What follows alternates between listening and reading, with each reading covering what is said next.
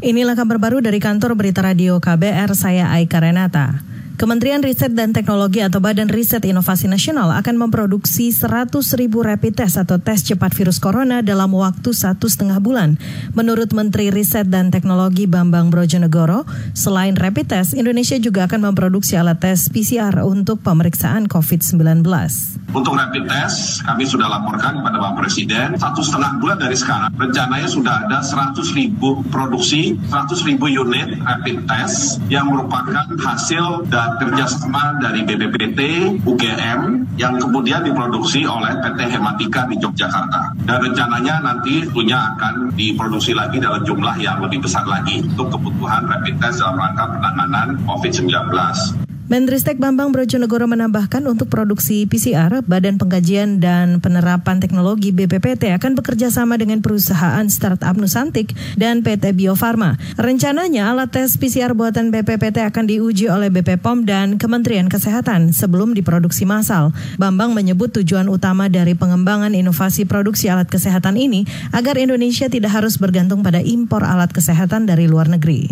Kita beralih, Saudara Presiden Joko Widodo melantik Ahmad Riza Patria menjadi Wakil Gubernur DKI Jakarta di Istana Negara siang tadi. Politisi Partai Gerindra itu secara sah akan duduk sebagai Wakil Gubernur DKI untuk sisa masa jabatan hingga 2022.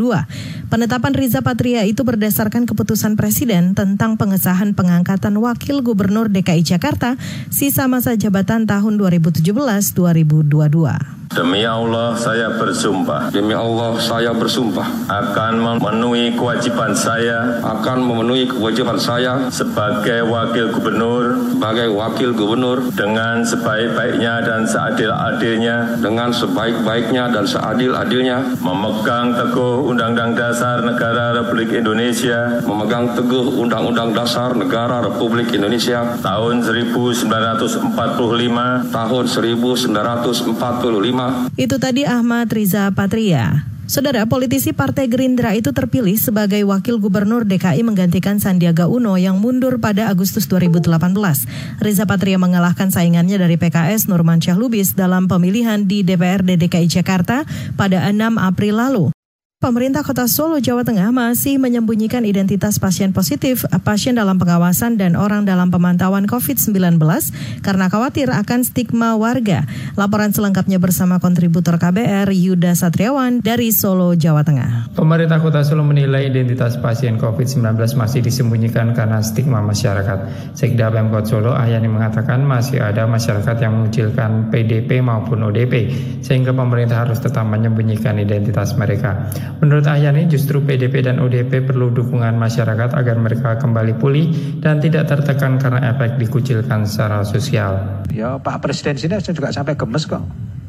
Sampai bingung berarti dibuka saja. Tapi kalau dibuka ya dampaknya kan seperti itu. Masyarakat itu belum bisa menerima. Kalau tetangganya sakit mesti ya terus disingkiri dikucilkan dibully. Keluarganya juga dibully. Kan juga kasihan Selama ini pemerintah daerah di Kota Solo memberikan bantuan logistik berupa bahan pangan pokok pada warga yang melakukan karantina mandiri. Warga yang menjalani karantina akan dipantau secara ketat oleh tim Dinas Kesehatan hingga RT RW setempat. Dari Solo, Jawa Tengah, Yuda Satriawan, KBR. Demikian kabar baru dari kantor Berita Radio KBR, saya Aika Renata.